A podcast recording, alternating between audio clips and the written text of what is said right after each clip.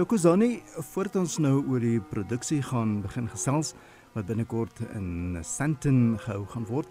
Vertel vir ons 'n bietjie meer oor jou musiekagtergrond, uh, spesifiek jou liefde vir die cello as 'n klassieke instrument. Well, I was very lucky from a young age to have gone to a school where we had music as a subject. This was in Newcastle in KwaZulu-Natal. And I, I think I just grew up in an environment that was nurturing Uh, around me for music. And the exposure that I was getting in school was equally matched by another exposure to music which I was experiencing in my township of Emadadeni.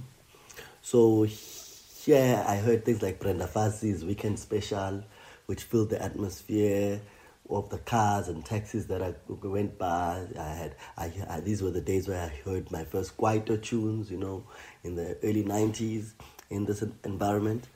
But also there was a different kind of repertoire that I was exposed to through the activities of my family and my grandparents and stuff, which had to do with the early African composers. This was through what was called Umuloma choir, or what uh, one can call choral music, that was so popular during those days. And so some of the, the tunes that were very important were the hymns of people like Tiyo Soga, people like John Knox Bokwe, and others.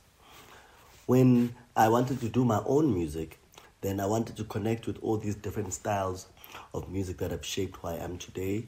I did not want to merely imitate what other classical composers have done.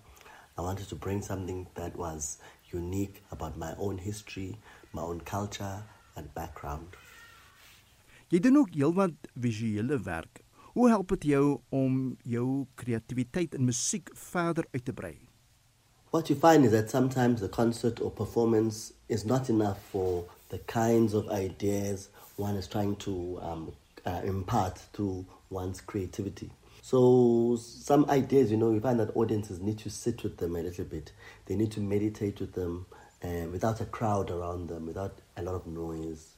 So doing exhibitions and installations in museums for me is a, a way of allowing this kind of confrontation with my music, with my sound, the sounds that I create.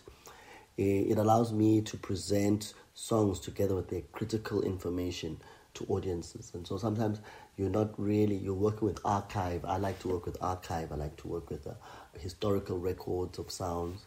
And so the combination of these effects works very well in a, in a setting sometimes that is like a museum or, or, or a different type of setup than a traditional concert hall. Soos vroeër verwys, jou werk is dikwels 'n versameling van verskillende kunsvorms. Dis ook gesetel in die Afrika tradisie. Uh, wat is jou uitdagings by so 'n uh, ons noem dit nou maar fusion? Uh, for me, the challenge is always about doing what the audience is not familiar with. Sometimes even the stage needs to be changed in some way, you know, in order to suit what you want to convey with your art. It is for this reason that someone like uh, the great German composer Richard Wagner, he tried to build his own theater that would accommodate his great vision of Gesamtkunstwerk, which strove for unity between music and drama uh, on the stage.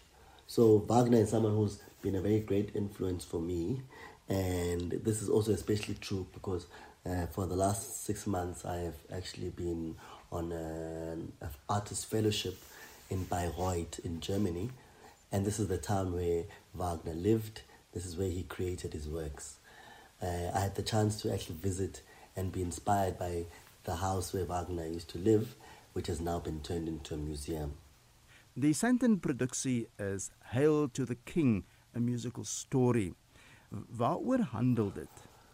Well, Hail to the King is a culmination of years of research for me uh, and music development because I do research and music development at the same time.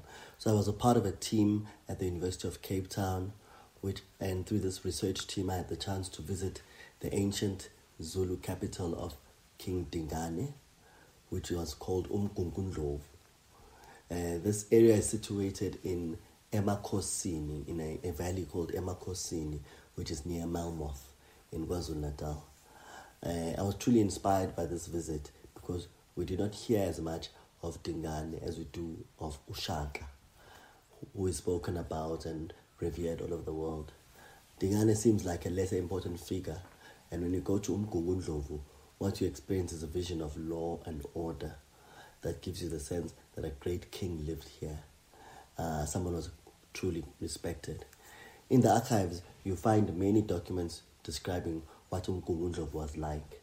Some of these documents were written by the Voortrekkers.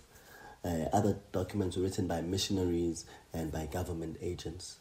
What you get is a sense of uh, a very different picture of Umgungundlovu and the life around it during the 1830s. Hierdie werk bestaan uit 3 bepaalde dele. Wat is hierdie dele en hoekom die fokus op hierdie spesifieke dele in die verhaal van koning Dingaan? There are three main sections to this work, um, and one of the first ones is called "Meeting of the Elephants," and then there's "Unveiling of the Royal Women," and the third one is called "King's Dance." So there's lots of dancing kind of atmosphere around the music. There's quite a lot of intimacy, and so when you look at the word umgungundlovu, it literally means the meeting place of the elephants.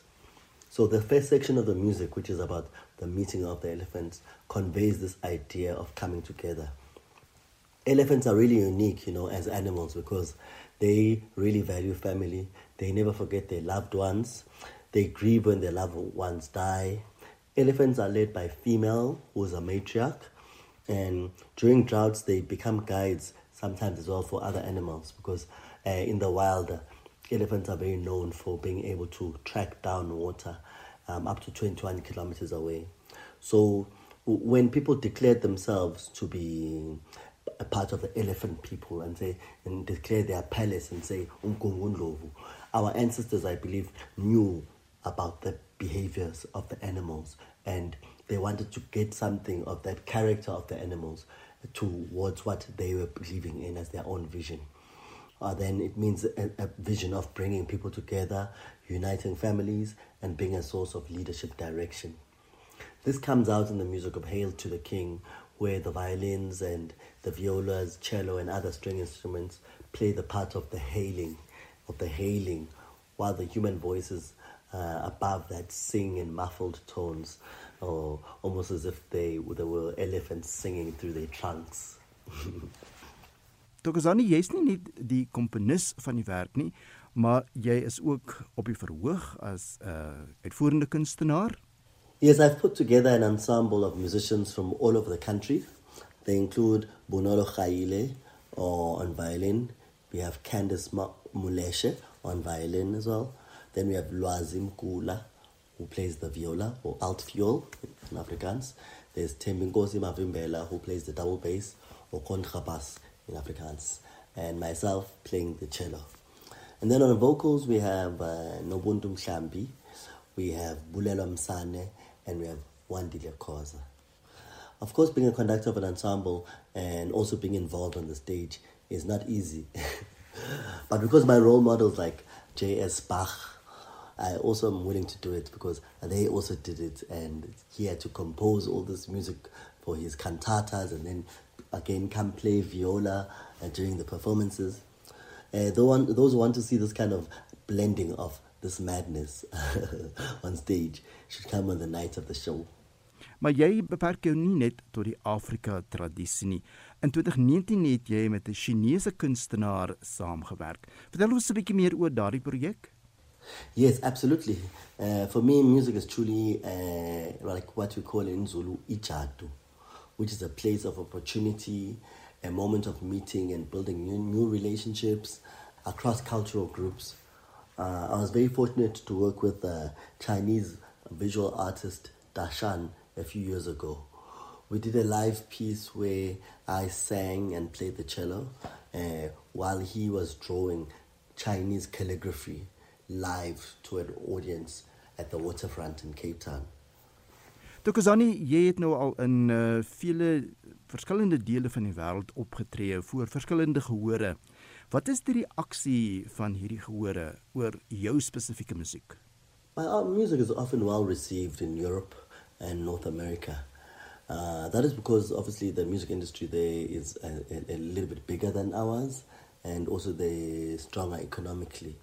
But I can tell you that uh, whenever I've played in Madadeni or any village in Limpopo or Kuruman in the Northern Cape, people have always been like, that's what's up, that's what's up. And they want to hear more, they want to want me to uh, ask different questions, they engage with my music just as much as people in the well established venues and in elite parts of the world. Wat beteken dit vir jou as 'n Suid-Afrikaner op die vasteland van Afrika om die kultuur en die geskiedenis van Afrika te bevorder, te bewaar en ook selfs lof toe te swaai? I think it goes without saying that since 1994 uh, South Africa has been engaged in a process of retelling its story based on the multicultural society that we have become today and what is important the story of our South Africa today of people who live in one land who must learn to live harmoniously with one another. Hier is 'n baie spesiale uitvoering, eintlik half eenmalig. Vertel ons 'n bietjie meer oor die logistiek. The show is happening on the 20th of August. Uh, tickets are available on web tickets. My website is thokozanimhlambi.com.